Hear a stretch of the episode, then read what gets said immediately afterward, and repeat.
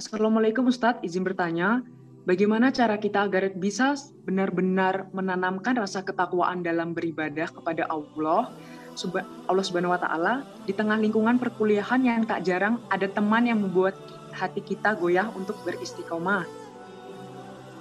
Oh, goyah ya. Sebenarnya bukan salah temannya sih, Mbak, ataupun Mas ya. Salah kitanya sebenarnya. terkadang kita suka nyalain teman nih ini nih terkadang. Sebenarnya kita sulit untuk menyalahkan diri sendiri. Sebenarnya silakan aja teman-teman berteman seperlunya berhubungan seperlunya tidak berlebihan insya Allah nanti bisa terjaga kok ketakwaannya.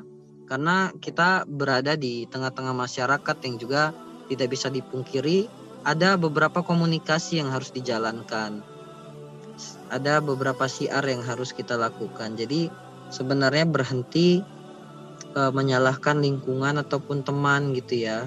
Menghindari ya. Namun harus tekad dari diri sendiri bahwa saya harus mewarnai tapi bukan ter terwarnai. Namun ketika kita lemah, maka kita yang akan terwarnai. Syaratnya satu sebenarnya kuncinya supaya sukses menjaga keimanan di tengah-tengah masyarakat ataupun lingkungan kuliah, murokobah ya. Ini harus ditanamkan, yaitu merasa senantiasa diawasi oleh Allah Subhanahu wa taala.